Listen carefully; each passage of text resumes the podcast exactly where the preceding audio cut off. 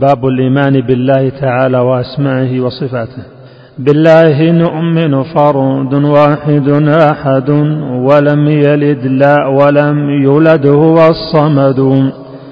ولا إله ولا رب سواه ولم يكن له كفوا من خلقه أحد.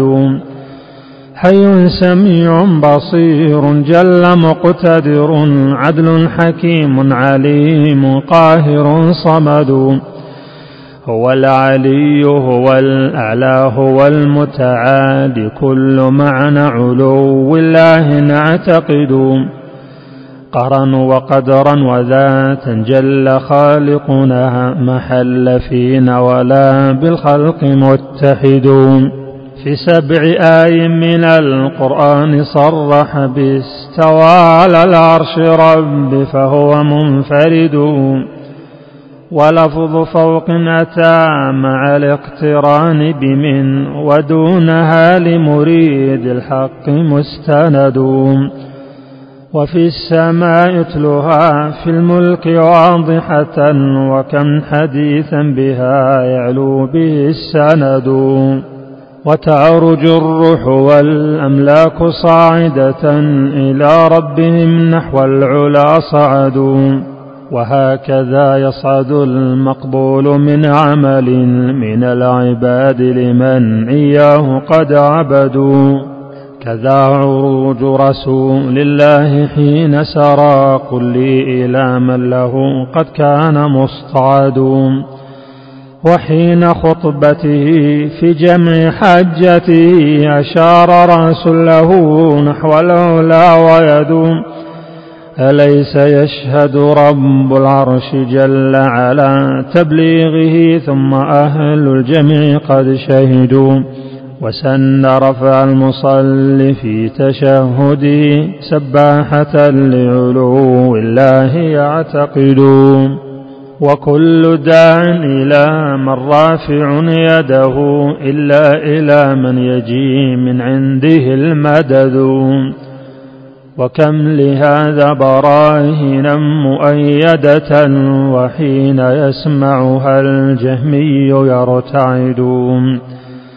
ونحن نثبت ما الوحيان تثبته من أن ذا العرش فوق العرش منفرد.